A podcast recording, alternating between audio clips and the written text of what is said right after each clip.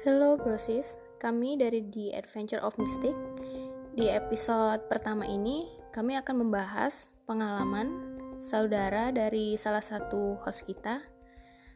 Nah, tanpa banyak basa-basi, ayo langsung kita dengerin aja yuk ceritanya. Oke, pertama cerita ini dimulai uh, jujur ya ini pengalaman dari adik gua sendiri. Jadi uh, cerita ini bermula ketika antara waktunya itu akhir gua SMA atau enggak uh, mau masuk kuliah ya pokoknya antara itu. Sebenarnya ini pengalaman horor dari adik gua sendiri. Jadi saat itu gua nyokap sama adik gua pulang dari Sragen menuju ke Solo dan ini kejadiannya sebelum peresmian tol Trans Jawa itu diresmin. Jadi kami bertiga itu masih menggunakan jalur uh, non tol yang pada saat itu juga lawannya truk sama bus kendaraan-kendaraan besar. Dan pada saat itu juga minim penerangan karena hanya dibantu dari penerangan kendaraan-kendaraan lain seperti motor dan mobil. Dan selebihnya itu gelap karena minim sekali penerangan uh, lampu jalan. Nah, selama perjalanan itu biar uh, gua berani dan uh, santai jalannya, akhirnya gua ngobrol, asik ngobrol, asik bercanda sama nyokap gitu, biar menghilangkan rasa takut gua, tuh tapi nggak uh, ikut dengan adik gue entah kenapa pada saat itu adik gue itu diem seribu kata atau dia tuh nggak ngeluarin satu kata pun dari mulutnya. Dan gue melihat dari kaca spion mobil yang sebelah tengah gue lihat dia tuh uh, kayak diem penuh rasa takut dan mukanya itu pucet dan gue nggak tahu kan adek gue kenapa nih. Gue sama nyokap gue penasaran kenapa adek gue kayak gini gitu loh. Nggak ikut nggak nimbrung uh, kakak abangnya sama nyokapnya itu ngobrol sama bercanda gitu. Langsung karena rasa penasaran gue tinggi gue langsung nanya ke adek gue gitu. Eh tapi sebelum uh, eh, gue nanya ke adek gue gue nanya ke nyokap gue uh, ibu itu adek kenapa? gitu. Kok diem aja dari tadi selama perjalanan gitu. Nah, nyokap gue nih juga nggak tahu kenapa alasannya gitu. Ya udah gue inisiatif untuk nanya ke adek gue sendiri dek lu kenapa lo diem aja? gitu. Nggak ikut kita ngobrol bercanda gitu. Adek gue responnya juga masih diem diem aja dengan rasa takut yang amat dalam langsung gue tanya lagi dek seriusan lu kenapa diem diem aja? Gitu. Adek gue masih uh, melakukan hal yang sama di mana dia diem tanpa mengeluarkan satu kata pun. Ya udah gue diem sejenak tuh. Tatap tatapan sama nyokap gue penuh rasa penasaran dan juga diiringi dengan rasa takut juga. Takutnya adek gue kenapa-napa gitu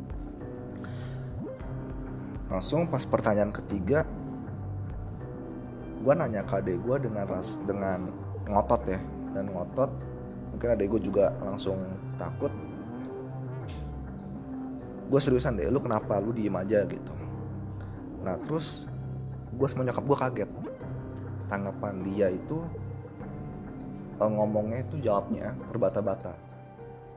Terbata-bata dan juga istilahnya itu kayak gagap lah uh, uh, uh, uh, gitu seperti itu. Nah gue bingung. Sama nyokap gue juga dat liatan lagi tatapan lagi. Lu kenapa dek? Gitu. Ngomong pelan pelan aja ngomong pelan pelan dan akhirnya adek gue masih sama aja tapi diiringi kali ini dengan tangisan yang amat keras. Padahal itu dalam mobil dan itu pasti berisik banget karena adek gue tuh takut kan. Ternyata nggak lama gue ngomong juga pelan-pelan biar nggak dia nggak takut juga. Kan kalau gue ngomong keras takutnya kan makin tambah kan uh, rasa khawatirnya dia sama takutnya dia gitu. Nggak seriusan aduh kenapa? Gitu. Nyokap gue juga nanya hal yang sama. Kenapa dek? Cerita sama ibu itu dan nggak lama adik gue akhirnya ngutarain apa yang dia lihat. Pas adik gue jujur ngomong ke gue dan nyokap gue seketika gue kaget. Karena apa yang dia lihat itu sosoknya itu menyeramkan katanya. Dia ngomong masih terbata-bata masih gagap dan juga sambil nangis karena dia melihat sosok pocong. Dia melihat sosok pocong ketika perjalanan pulang ke Solo. Pada saat itu gue nggak ngeliat apa-apa ya. Nyokap gue nggak ngeliatin apa-apa juga. Karena sadar tuh cuma ada gue dan nggak mungkin juga kan nggak ada apa-apa tiba-tiba ada gue nih pucet. Dan juga pas ngomong tuh langsung nangis keras terbata-bata juga.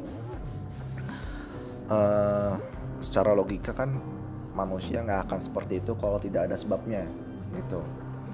Nah